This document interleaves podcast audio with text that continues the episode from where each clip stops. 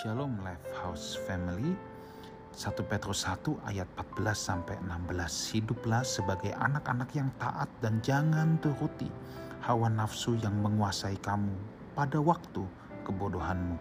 Tetapi hendaklah kamu menjadi kudus di dalam seluruh hidupmu sama seperti dia yang kudus yang telah memanggil kamu. Sebab ada tertulis kuduslah kamu sebab aku kudus. Saudaraku, kita punya dua pilihan. Kita mau hidup sebagai anak-anak yang taat, atau kita mau hidup sebagai anak-anak Tuhan yang tidak taat, yang menurutin hawa nafsu. Orang yang menuruti hawa nafsu, kata Alkitab, itu adalah orang yang bodoh. Dulu, ketika kita belum mengenal Tuhan, ya, kita masih hidup dalam kegelapan, kita hidup dalam kebodohan. Makanya dikatakan pada waktu kebodohanmu.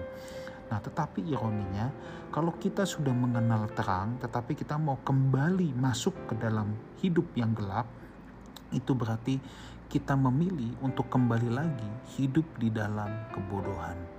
Nah, saudara, ini yang Tuhan katakan, ya, bahwa kita harus kudus. Kenapa? Sebab aku kudus, kata Tuhan. Saudara, daging kita ini lemah, saudara. Tetapi apakah kita mau menuruti hawa nafsu kita? Orang yang menuruti hawa nafsu itu memberi makan dagingnya. Nah, daging kita ini lemah. Itu sebabnya kita jangan membawa diri kita ke dalam pencobaan. Ya. Nah, banyak orang yang senang main di tepi jurang, senang main di pinggir jurang percayalah tidak ada yang kuat saudara ya. Jangan ada yang berkata bahwa aku tidak lagi punya kedagingan. Itu omong kosong. Kita hidup kita masih punya kedagingan. Nah tetapi doa Bapa kami kan berkata ya jangan bawa kami ke dalam pencobaan. Nah tetapi ada orang yang justru membawa dirinya sendiri ke dalam pencobaan. Sehingga ia akhirnya menuruti hawa nafsu dan hidup lagi kembali ke seperti pada saat kebodohan Nah, tetapi sekarang Tuhan bilang hendaklah kamu menjadi kudus. Nah, kudus itu apa? Kudus itu adalah sebuah kehidupan yang dipisahkan untuk Tuhan. Arti kata kudus itu sebenarnya dipisahkan. Dan dipisahkan untuk apa? Untuk Tuhan. Tuhan nggak mau joinan, saudara. Kita tidak bisa tubuh kita ini joinan antara hawa nafsu dan kekudusan kita tidak bisa mengabdi pada dua Tuhan. Kalau kita mengabdi pada Tuhan, maka kita harus memberikan hidup kita ini untuk kekudusan. Nah, dan yang paling penting di sini adalah kekudusan itu adalah hakikatnya Tuhan. Gelap dan terang tidak bisa menjadi satu. Hakikat Tuhan itu terang, hakikat Tuhan itu kudus. Kalau seseorang kembali lagi hidup dalam kenajisan, maka dia tidak bisa bersekutu dengan Tuhan, nggak bisa bersatu dengan Tuhan.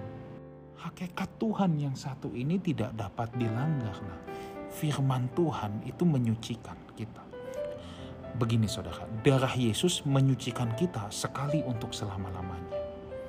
Tetapi yang menyucikan, menguduskan kita setiap hari itu adalah firman-Nya maka saya tidak bosan untuk mengingatkan kita, ayo mencintai firman, ayo baca firman, ayo bergumul dalam firman, ayo belajar menghidupi firman.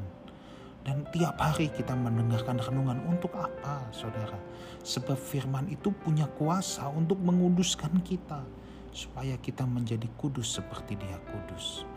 Saudaraku, renungan pada kesempatan ini mengingatkan kita untuk kita tidak kembali kepada zaman kebodohan kita, tetapi kita mau hidup sebagai anak-anak terang, anak-anak yang taat, ya, yang sama seperti Bapak kita yang adalah kudus. Tuhan Yesus menyertai kita semua. Amin.